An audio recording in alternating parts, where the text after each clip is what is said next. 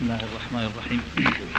الحمد لله رب العالمين والصلاة والسلام على نبينا محمد وعلى آله وصحبه أجمعين. قال رحمه الله تعالى وعن عائشة رضي الله عنها أن النبي صلى الله عليه وسلم اكتحل في رمضان اكتحل في رمضان وهو صائم رواه ابن ماجه بإسناد ضعيف. قال الترمذي لا يصح فيه شيء. وعن أبي هريرة رضي الله عنه قال قال رسول الله صلى الله عليه وسلم من نسي وهو صائم فاكل أو شرب فليتم صومه فإنما أطعمه الله وسقاه متفق عليه. وللحاكم من أفطر في رمضان ناسيا فلا قضاء عليه ولا كفارة وهو صحيح. وعنه قال قال رسول الله صلى الله عليه وسلم من ذرعه القيء فلا قضاء عليه ومن ومن استقاء فعليه القضاء. رواه الخمسة وأعله أحمد وقواه الدار قطني. وعن جابر بن عبد الله رضي الله عنهما أن رسول الله صلى الله عليه وسلم خرج عام الفتح إلى مكة في رمضان فصام حتى بلغ كراع الغميم فصام الناس ثم دعا بقدح من ماء فرفعه حتى نظر الناس إليه ثم شرب فقيل له بعد ذلك إن بعض الناس قد صام قال أولئك العصاة أولئك العصاة وفي لفظ فقيل له إن الناس قد شق عليهم الصيام وإنما ينظرون فيما فعلت فدعا بقدح من ماء بعد العصر فشرب رواه مسلم. وعن حمزة بن عمرو الأسلمي رضي الله عنه أنه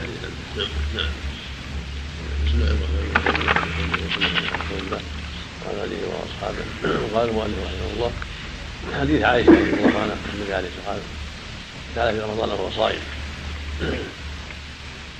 رواه ابن أبي السنة ضعيف وقال الترمذي لا يصح هذا بشيء. الحديث هذا مثل ما قال الترمذي رحمه الله. ضعيف ولا يصح في هذا الباب. عن النبي صلى الله عليه وسلم أنه اكتحل أو أنه نهى عن محل الصائم وفي بعض الروايات أنه صلى الله عليه وسلم أمر بالإثم المروح عند النوم وأمر أن يتقيه الصائم وكلها ضعيفة عند أهل العلم لا يثبت منها شيء.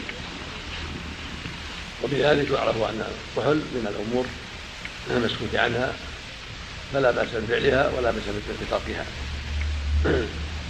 وقال بعض أهل العلم يكره الصائم لأن العين منفذ ضعيف وقد ينفذ منها إلى الحلق.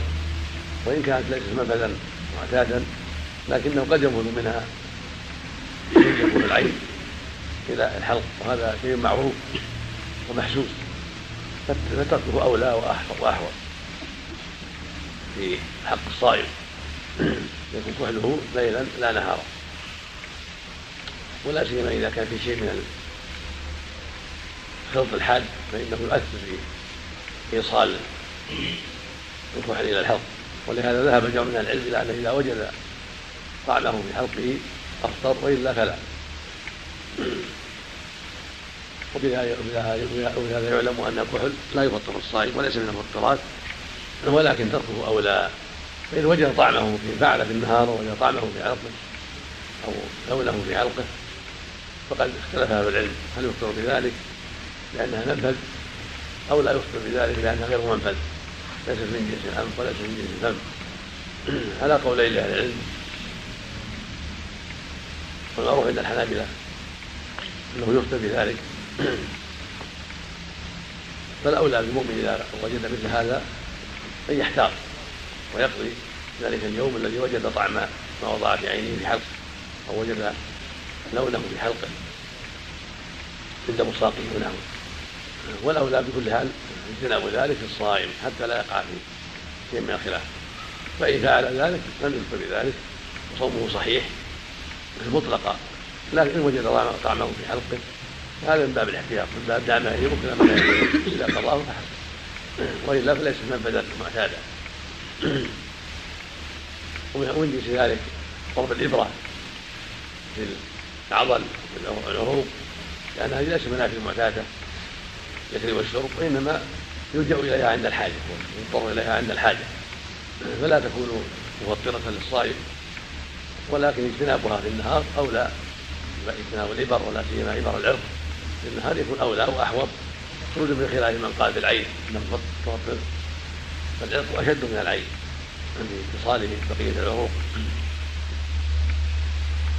أما العضل فهي أسهل وأولى وأقل اتصالا من العرق وهي وهي في الحقيقة كلها لا تفطر الصائم على الصحيح لأنها ليست منافذ معتادة. وقد اختار الشيخ تقي رحمه الله هذا المعنى وقال إن الكحل مطلقا لا لا يفطر الصائم. وهو قول جمع غفير من أهل العلم. لعدم الدليل الواضح على تفضيل ما يقع من العين. رحمك الله.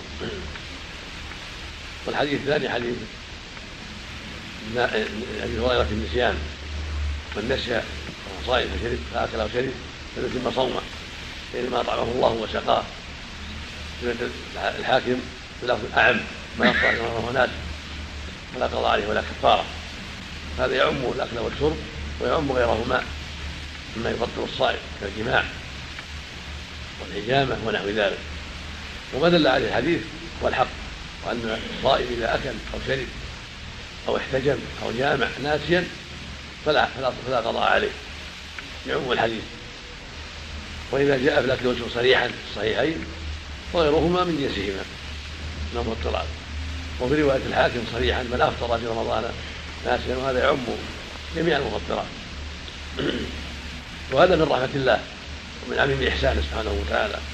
فإن الإنسان موضع الغلط موضع النسيان فإذا نسي صومه فأكل شرب أو جامع أو احتجم أو ما أشبه ذلك فالحرج مرفوع ربنا لا تؤاخذنا إن نسينا فقال الله قد فعل.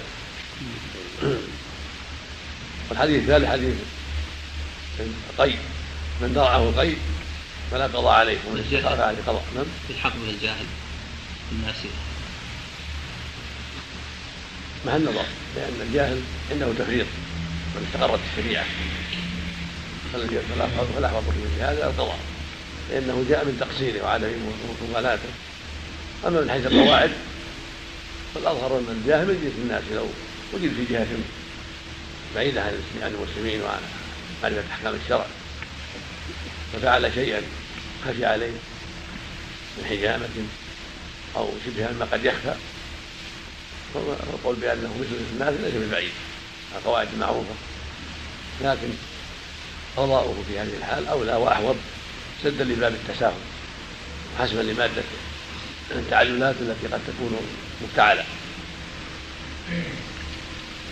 ثم أيضا هو منسوب إلى التفريط ومنسوب إلى التساهل.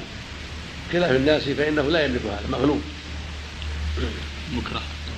المكره لا يكفر إذا اطلق على اكل أو شرب لا مرفوع قلب في الكفر فكيف بالصوم إذا كان اكراها حقيقيا بان صب في فمه أو هدد بما يظن أنه واقع من قتل أو ضرب ان لم يفعل فإنه لا يكفر بالله قال الله سبحانه كفر بالله بعد الإيمان ان لم يكن وقلبه مطمئن بالإيمان. فإذا فعل ذلك دفع للاكراه لا موافقة على الاكفار فإن صومه صحيح. والحديث الثالث حديث أبي هريرة رضي الله عنه من درعه القيف فلا قضاء عليه ومن استقى فعليه قضاء اخرجه الخمسه وما في الدار قضي فعله أحمد. الحديث صحيح.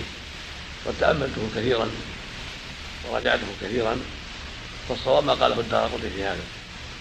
والتعليل قاله أحمد رحمه الله وروي عن البخاري أيضا. بس لا غير لي وجهه. فالصواب أنه جيد وأنه حجة. ثم لو لو ضعف أو ضعف الحديث فالأصل هو هذا.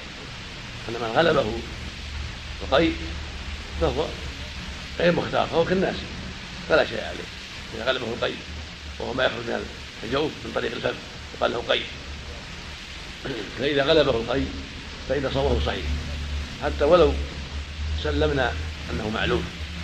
فالأصل هو هذا. الأصل أن ما غلب ما غلب ما غلب الإنسان ولم يكن باختياره ولا طوقه فإنه معذور. كما قلنا في الإكراه كما قلنا في الناس هذا مثله. من درعه القي بأن خرج منه بغير اختياره فإن صومه صحيح ولا يضره ذلك. صح الحديث أو لم يصح لكنه بحمد الله صحيح مؤيد للأصول. أما من اختار طيب عله يعني تأثرت معدته ورأى أنه لا صبر له فهو من جنس المريض فيقي وعليه القضاء يستقى من أجل مضرة يخشاها أو أمر يعني يعرف أنه يضره لو لو منع القيد. فانه يكون حكم مريض. أما إذا استطاع أن يمنع ذلك وأن لا يخرج القيد باختياره هذا هو الواجب عليه بدون ضرر. والحديث الرابع حديث. أما ما يقع من من الشيء الذي الترعة التي قد تخرج. فلا تسمى قيئا. القيء ما يتكرر. أما ما لا يتكرر فهو ما لا يسمى الترعة أو يسمى القلس. فهذا لا لا, لا يسب الصوم وليس بقيء لأن هذا قد يقع عند ما يصيب الإنسان يشاء قد يخرج بعض الشيء. هذا يعفى عنه وعليه أن يلقيه يلفظه ولا يتعلق بالإفطار لأنه لا يسمى قيئا وإنما هو شيء يدفع الجشاء بعض الأحيان قد يكثر وقد يقل فيعفى عنه. لكن لا يعيده إلى جوفه بل يلقيه والحديث الرابع حديث جابر في قصة في سفر النبي صلى الله عليه وسلم إلى مكة عام الفتح وأنه صام حتى بلغ قرار الغميم حديث عباس حتى بلغ الكبير. ثم قيل له إن الناس قد شق عليهم الصيام فأفطر عليه الصلاة والسلام رفع القدح حتى رآه الناس وأفطر. هذا دليل ظاهر على جواز الإفطار في الصوم. في السفر وأنه لا حرج في ذلك ولا سيما عند شدة الحاجة فإنه يتأكد الإفطار ويسن الإفطار ويكره الصوم في هذه الحال عند الشدة. ولهذا جاء الحديث ليس من بر الصوم في السفر حمله العلم إلى السفر الشديد لأنه صام عليه الصلاة والسلام في السفر. لكن ليس من البر الكامل الصوم في السفر. يعني عند شدة شدة الحالة أما عند عدم الشدة سفر الشتاء والأوقات الباردة فالأمر في هذا أوسع. وفيه أنه صلى الله عليه وسلم كما في رواية أبي سعيد رواية هنا جابر وإنما ينظر فعل فأمرهم أن يفطروا. قال من صام أولئك العصاة أولئك العصاة. في حديث ابن سعيد أنه قال أنه قال لهم لما دنوا أفطروا. فإن فطر أقوالكم. فلما قروا من العدو قال إنكم صبحوا عدوكم فافطروا وعزم عليهم بالافطار فهذا كله يدل على أن الإفطار إذا كان فيه قوة على الجهاد فإنه يجب. يكون حينئذ عزمة. أما في غير ذلك فهو مستحب وليس بعزمة. قال أبو سعيد وقد سافرنا معا بعد ذلك فصمنا. من بعد بعد غزوة الفتح. فدل ذلك على أنه إنما أوجبه عليهم وقال أولئك العصاة من أجل الحاجة إلى قوة في قتال العدل فإنهم خافوا أن تقاتل قريش وأن يكون قتال عند دخول مكة. ولكن الله يسر فلم يقع إلا شيء يسير مناوشات يسيرة. ثم انكف الناس. ولكن الحكم باقي. فإذا كان شدة وحاجة إلى الإفطار عند مقابلة الأعداء عند النزول بمصافة الأعداء وجب الإفطار ليتقوى به المسلمون. وإذا كان في غير ذلك فلا إنما يستحب فقط.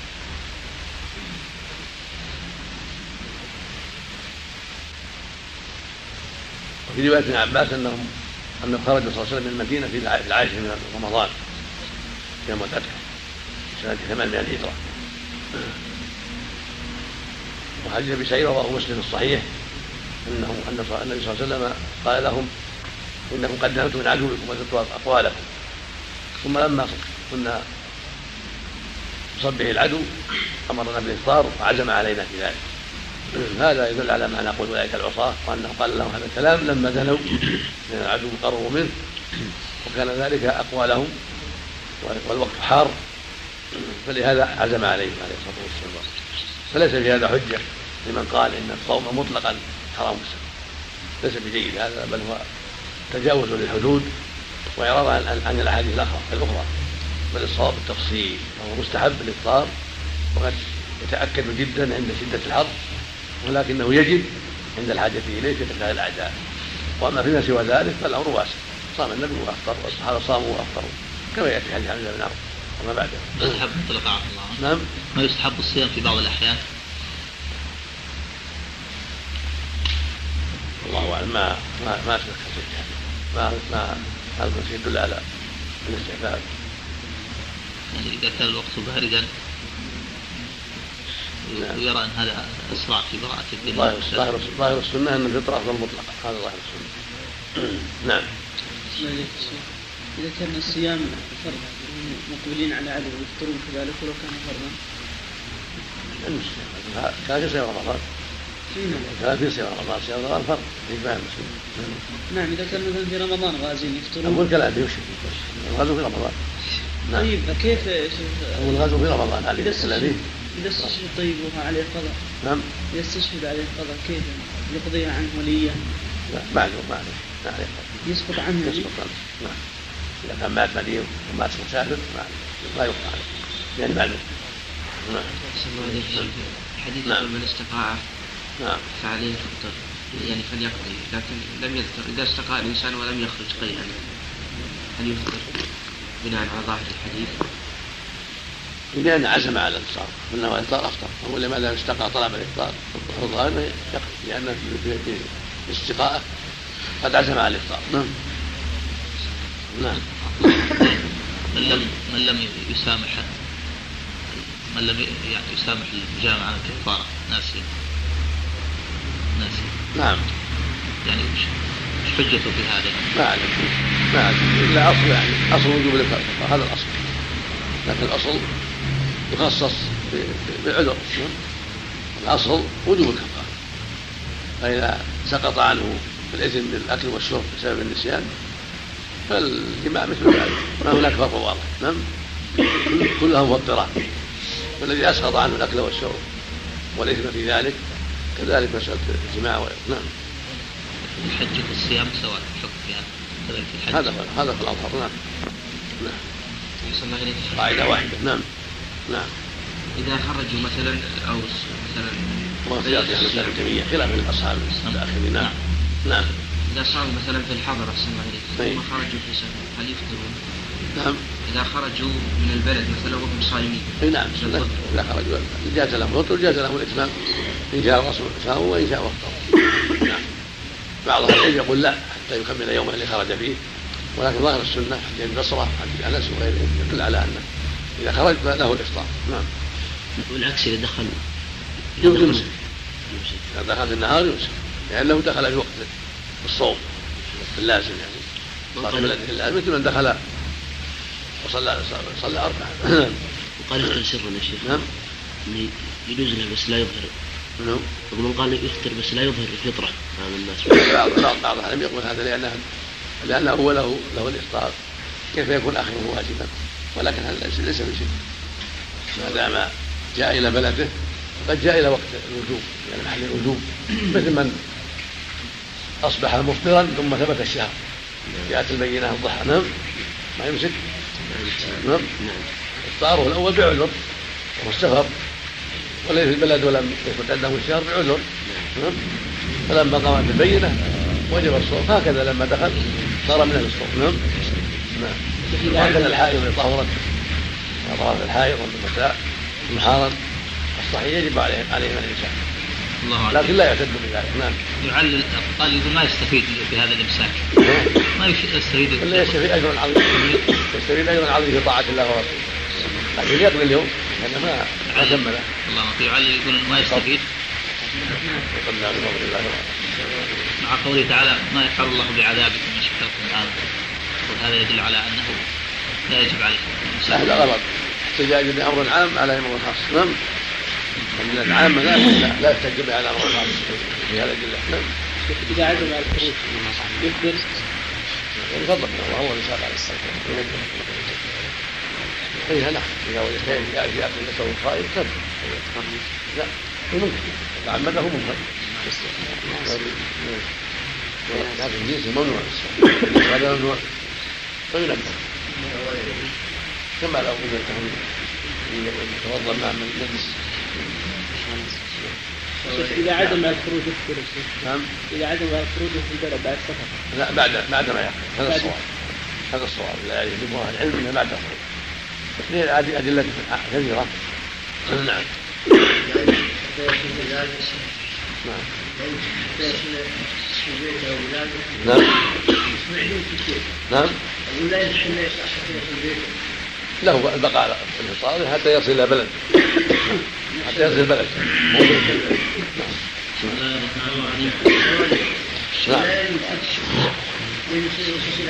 نعم إذا صليت ولا يعزم يعزم ولا شيء عليه لا عليه نعم عليه التوبة الله إليك شيخ إذا كان مثلا أناس مسافرين مثلا ووصلوا إلى مكة وأصابهم مثلا مشقة كثيرة وهم سيبقون أكثر من أربعة أيام وهم مقترين هل يأكلون في مكة شيخ؟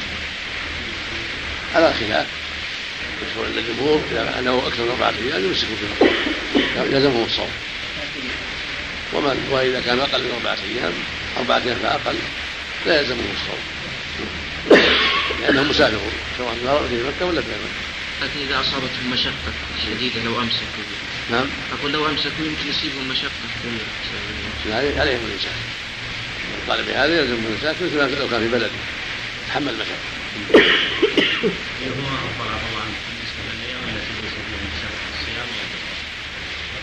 الأظهر بفطر. هذا هو الأظهر. أخذا برخصة الله. ومن صار فلا حرج. بسم الله الرحمن الرحيم. الحمد لله رب العالمين والصلاة والسلام على نبينا محمد وعلى آله وصحبه أجمعين. قال رحمه الله تعالى وعن حمزة بن عمرو الأسلمي رضي الله عنه أنه قال يا رسول الله أجد في قوة على الصيام في السفر فهل علي جناح؟ فقال رسول الله صلى الله عليه وسلم هي رخصة من الله فمن أخذ بها فحسن ومن أحب أن يصوم فلا, فلا جناح عليه. رواه مسلم وأصله في المتفق من حديث عائشة أن حمزة بن عمرو سأل. وعن ابن عباس رضي الله عنهما قال رخص للشيخ الكبير أن يفطر ويطعم عن كل يوم مسكينا ولا قضاء عليه. رواه الدار قطني والحاكم وصححاه وعن أبي هريرة رضي الله عنه قال جاء رجل إلى النبي صلى الله عليه وسلم فقال هلكت يا رسول الله؟ قال وما أهلكك؟ قال وقعت على امرأتي في رمضان. فقال هل تجد ما تعتق رقبة? قال لا. قال فهل تستطيع أن تصوم شهرين متتابعين؟ قال لا. قال فهل تجد ما تطعم ستين مسكينا؟ قال لا. ثم جلس فأتي النبي صلى الله عليه وسلم بعرق فيه تمر فقال تصدق بهذا. فقال أعلى أفقر منا فما بين لابتيها أهل بيت أحوج إليه منا. فضحك النبي صلى الله عليه وسلم حتى بدت أنيابه. ثم قال اذهب فأطعمه أهلك. رواه السبعة واللفظ لمسلم. وعن عائشة وأم سلمة رضي الله عنهما أن النبي صلى الله عليه وسلم كان يصبح جنبا من جماع ثم يغتسل ويصوم. متفق عليه. زاد مسلم في حديث أم سلمة ولا يقضي.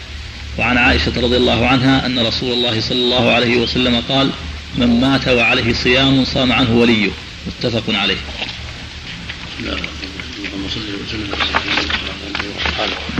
أما بعد هذه الأحاديث الخمسة كلها متعلقة بالصيام. الأول حديث عائشة. عن حمزة بن عمرو الأسلمي صلى الله عليه وسلم عن الصوم في السفر فقال النبي صلى الله عليه وسلم هي رخصة من الله. فمن ومن أفطر فمن خلى بها فحسن ومن ومن أحب ان يصوم فلا جناح عليه. رواه مسلم. المؤلف اختار هذا هذه الرواية في مسلم. لما فيها من الفائدة الزائده وأصل الحديث الصحيحين من حديث حمزة نفسه. أنه قال يا رسول الله إني أجد قوة في الساعة على الساعة السفر. فقال إن شئت فصوم وإن شئت فأفطر. وكان يرجح هذا الأمرين إن شئت فصوم وإن شئت فأفطر. وهنا قال هي رخصة من الله. ومن أخذ فحسن ومن حب يصوم فلا جناح عليه. هذا يدل على أن الإفطار أفضل. أن يحب أن تؤتى رخصه ولأن الرسول قال فمن أحب يصوم فلا جناح عليه. قال في الفطرة حسن. فدل ذلك على أن الإفطار أفضل في السفر ومن صام فلا حرج. وجاء في هذا الباب أحاديث كثيرة تدل على أنه صلى الله عليه وسلم صام في السفر وصام الصحابة وأفطروا وصام وأفطر عليه الصلاة والسلام. فالامر في هذا واسع. وهي أحاديث كثيرة. من حديث أبي الدرداء وأنس وأبي سعيد وجماعة. كلهم اخبروا عن النبي صام وافطر وقال أنس من كانوا مع النبي صلى الله عليه وسلم فمن الصائم ومن المفطر. ولم يعيب الصائم وكان الصائم. الحاصل أن الإفطار رخصة في السفر ورخصة للمريض ومن أحب أن يصوم فلا جناح عليه. فنفي الجناح نفي الجناح عن الصائم. يدل على أن الأفضل قبول الرخصة. ويدل على هذا أيضا حديث صحيح ابن عمر. ان يحب أن تؤتى رخصه كما يكره أن تؤتى معصيته. هذا هو الارجح وقال قوم إنه, إنه على السواء. كما في حديث حمزة شيء تواصل من يفطر. وأنهما سواء. ما افطر فلا بأس ومن صام فلا بأس. قال آخر الصوم أفضل. والصواب ما تقدم أن كلاهما جائز. والافطار أفضل لما فيه من قبض الرخصة. الله جل يقول ومن كان مريضا أو على سفر فعدة من أيام أخرى فإذا قبل هذه الرخصة وافطر بمرضه وسفره فقد أخذ بالأفضل. وإن صام مع المرض وصام مع السفر وتحمل المشقة فلا حرج. لكن يتأكد الإفطار ويتاكد يتأكد الافطار في السفر إذا اشتدت الحاجة. كما في يقول النبي صلى الله عليه وسلم ليس من البر الصوم في السفر لما راى رجل ولل عليه. وليس من البر الصوم في السفر قال يؤكد أن الإفطار أفضل عند شدة الحاجة وانه يتأكد كثيرا وأن الصوم مكروه في هذه الحال. أما إذا كان من المسائل في اوقات الفراغ أوقات السعه فالامر واسع في هذا. وبكل حال فالفطر أفضل. وهكذا المرض اذا اشتد تأكد الفطر ولا ينبغي أن يعين على مضرة نفسه بالصوم بل ينبغي قبض الرخصة والرضا بها والأخذ بها. أما إذا كان مرض لا يترتب على صومه معه مشقة كبيرة هو من جنس السفر لا حرج ولا كراهة لكن قبضه الرخصة أفضل. والحديث الثاني عن ابن عباس في صوم الشهر الكبير يقول رضي الله عنه رخصة من رخص الشيخ في الفطر. ويطعم مسكين كل يوم. وكان يقول في قوله جل وعلا وعلى من يطيقون فيه طعام مسكين قال انها غير منسوخة بل الشيخ الكبير والعجز الهرمه يفطران ويطعمان وقد صح هذا عن ابن عباس رضي الله عنه من طرق. تأول عليه الآية وربما قرأ. وعليه يطوقونه ويكلفونه وهو يشق عليهم. والأصل في الصوم أن الله جل وعلا خير الناس. بين الفطر وإطعام المسكين وبين الصيام وهو أفضل هكذا كان الأمر في أول الصيام. من يطيق فيه إطعام المسكين وإن قطع زيادة فهو أفضل. ثم قال وأن تصوموا خير لكم. فالصوم أفضل والفطر جائز مع الإطعام مسكين فأكثر. ثم نسخ الله ذلك وألزم الصوم. بقوله جل وعلا منهم شهر يصوم ومن كان مريضا فعدة من أيام أخرى. فوجب الصوم على من كان مقيما صحيحا لا مريضا. وكانوا إذا غابت الشمس فناموا قبل أن يفطروا لزمهم الصوم والمواصلة إلى يوم الآخر. فشق عليهم ذلك. وقال بعض الصحابة شيء في هذا شق عليه الأمر. فنسخ الله ذلك وأباح لهم الفطر مطلقا فلو نام قبل ان هذا الظهر وصار الليل محل الإفطار مطلقا والصوم محل محل النهار محل الصوم مطلقا. استقرت الشريعه على هذا الحكيم وانه متى غابت الشمس ترى الصائم. أكل أو لم يأكل نام أو لم ينم فهو محل فطر له وإن كان وقت الغروب نائما أو جاء إلى بيته بعد الغروب فنام قبل أن يأكل. كل ذلك لا حرج فيه. وهذه الأطوار الثلاثة ثابتة في صوم رمضان. الطور الأول أنه مخير إن شاء صام وإن شاء أفطر وأطعم كل مسكين. وهذا هو الطور الأول والصوم أفضل الطور الثاني لزوم الصوم ولكن إذا نام قبل أن يفطر قبل أن يأكل شيئا لزمه المواصلة. الفطر في الليل. ثم نسك وجاء الطور الثالث أنه يصوم في النهار ويفطر في الليل مطلقا. والحمد لله الذي يسر ذلك وأنا به سبحانه وتعالى. لكن الشيخ الكبير والعجز الكبيرة والمريض الذي لا يرجى كما قال ابن عباس يفطرون ويطعمون. أشبه الناس بحالة المسلمين اولا الطور الأول. وجعل الآية منسوخة فيها الجنس هذا الجنس لأنهم عاجزون حالهم تشبه الحالة الأولى في القول الأول وهو أن من صام كفاه الصوم ومن أفطر أطعم عن كل مسكين ولا نعلم لابن عباس مخالفا في الصحابة رضي الله عنهم وأرضاهم ولهذا كان هو الصواب من العاجز عن الصوم بكبر سنه وما يطعم مسكين عن كل يوم ويحتمل أن يكون ابن عباس سمعه من النبي صلى الله عليه وسلم. لأنه رخص بشيء كبير يحتمل أنه مرفوع. يعني قاعدة أن إذا قال الصحابي رخص أو أمرنا أو نهينا حكم مرفوع. ويحتمل أنه استنبطه.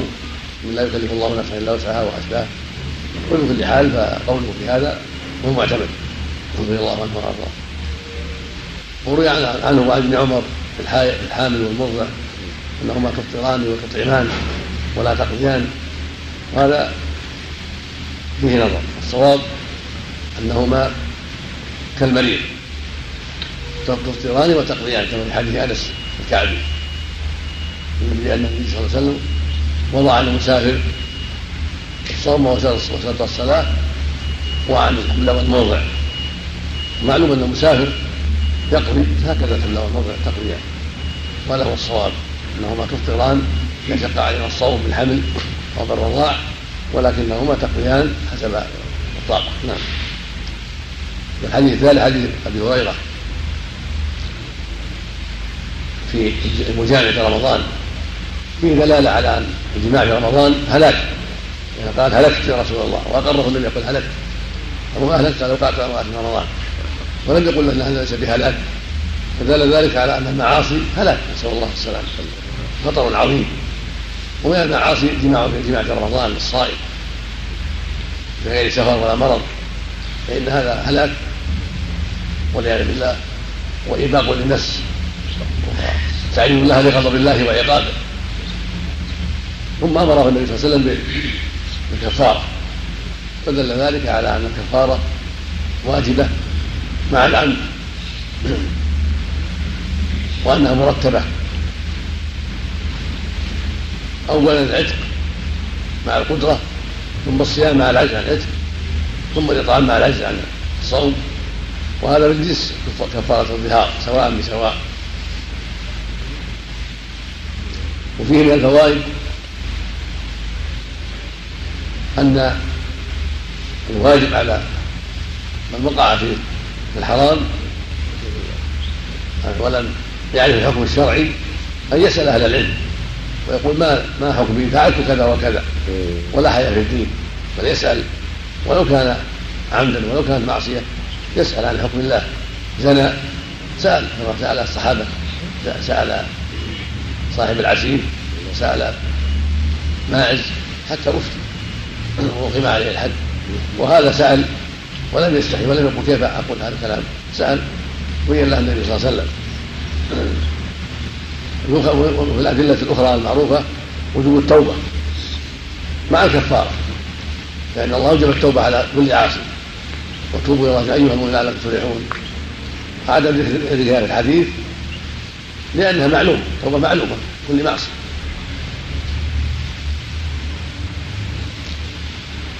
وفيه دلالة على أن العاجز عن الإطعام يسقط عن الإطعام.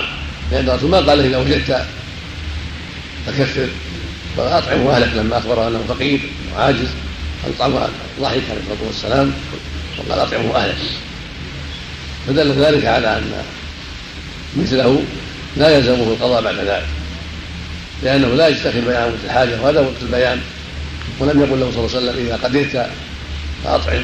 هذا هو جمع من أهل العلم. الدليل على أن العاجز في كفارة الوطي يسقط عنه. الإطعام بخلاف الظهار فلا. لا بد يبقى في ذمته حتى يوفي. وقال آخرون بل يجب عليه إطعام حتى إذا قدر ولو ولو ما ذكره النبي هنا لأن الرسول صلى الله عليه وسلم لم يذكره لأنه معلوم. ولهذا سكت عنه بهذا وقال أطعمه أهلك لأنه معلوم من القول الأول أطعم ستين مسكينا. ومعلوم من قصة من من حكم الظهار فقوله أطعموا أهلك يعني في الوقت الحاضر ثم أد بعد ذلك. وكونه سكت عن هذا ولم يقل أد بعد ذلك لا شيء معلوم. كما سكت عن التوبة ويقول لا تب إلى الله وبادر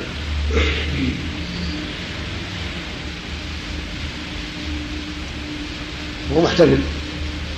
والأقرب والله أعلم أن كفارة الجماع تسقط بالعجز عجز عن عن العتق وعن الصيام عن الإطعام عملا بظاهر الحديث وأن هذا فضل من الله سبحانه وتعالى عفو من عز وجل.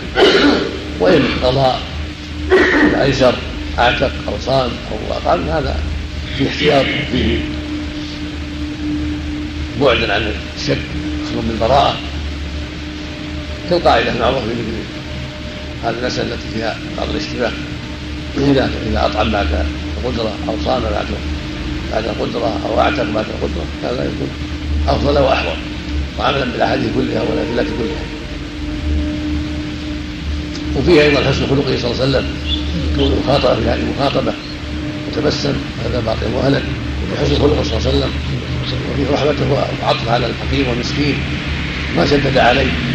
ولهذا جاء في بعض الروايات في بعض أنه لما رجع إلى قومه وجدت عندهم الشده والعسر وجدت عند الرسول صلى الله عليه وسلم الرحمه والعفو والفضل أو كما قال.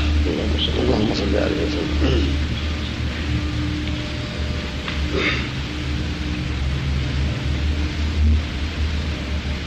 ولم يذكر في هذا قضاء اليوم الذي أفطر فيه وجاء في روايه ابي داود وقت اليوم مكانه لكن بسنده مقال. والأظهر أنه يقضي وأن تعمده الإفطار بالجماع مثل لو تعمد الأكل. يجب عليه القضاء وعليها القضاء لأنه ما افطر بغير عذر شرعي. فهم من باب فهما من باب أولى أن يقضي إذا قضى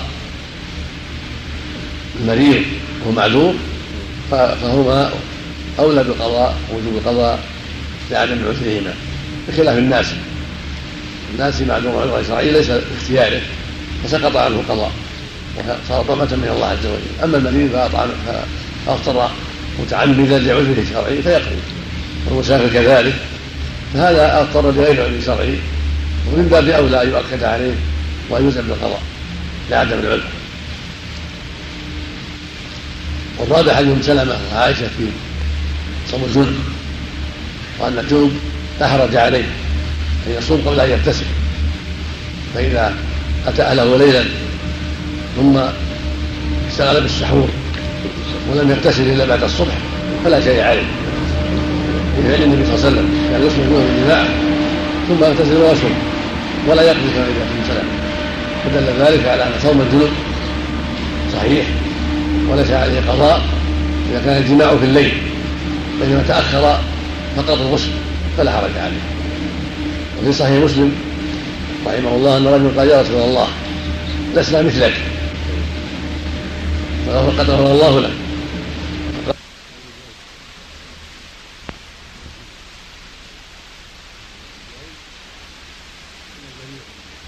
كما قال الشافعي رحمه الله وجماعه من العلم صوابه أنه يعم جميع أنواع الصيام.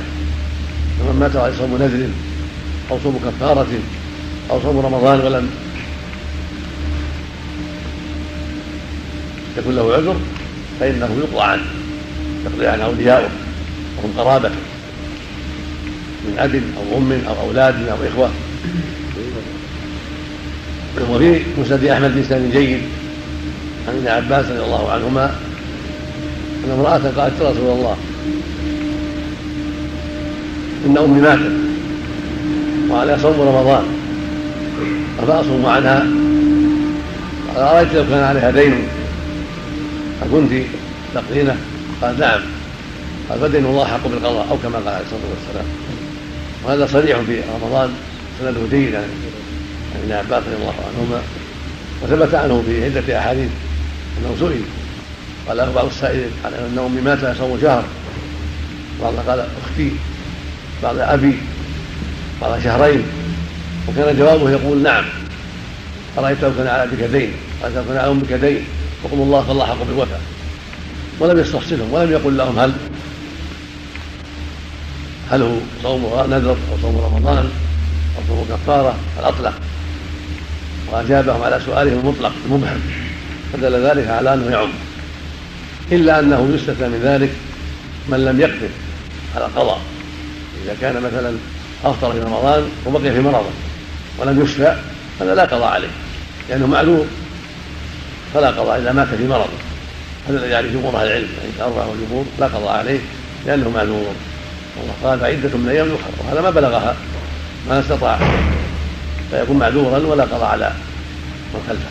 والله أعلم. نعم. يجب على ولي امره وجوب نعم. مستحب مشروع له. فلم من يجب ان يقرأ له لأن القاعده لا يجب على عن احد شيء. ولا تزر وزر وزر أخرى. لكن مستحب بإطلاق الحديث. نعم. نعم. وإذا لم يقبل نعم. وإذا لم يقبل يطعم على كل يوم مسكين كما قال العباس الصحابه نعم. وابن عباس والجماعة إذا يتيسر الصوم يطعم عن كل مسكين.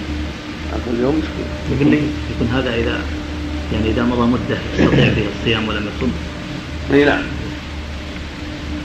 إذا فرط يعني. ثم إذا استمر به المرض؟ ما ما عليه. تخصيص أحمد والجماعة صوم النذر. شو مخصص؟ يؤولون بأن هذا حق الله وحق الله على المسامحة. كان النذر فإنه أوجب على نفسه. يكون على تشديد.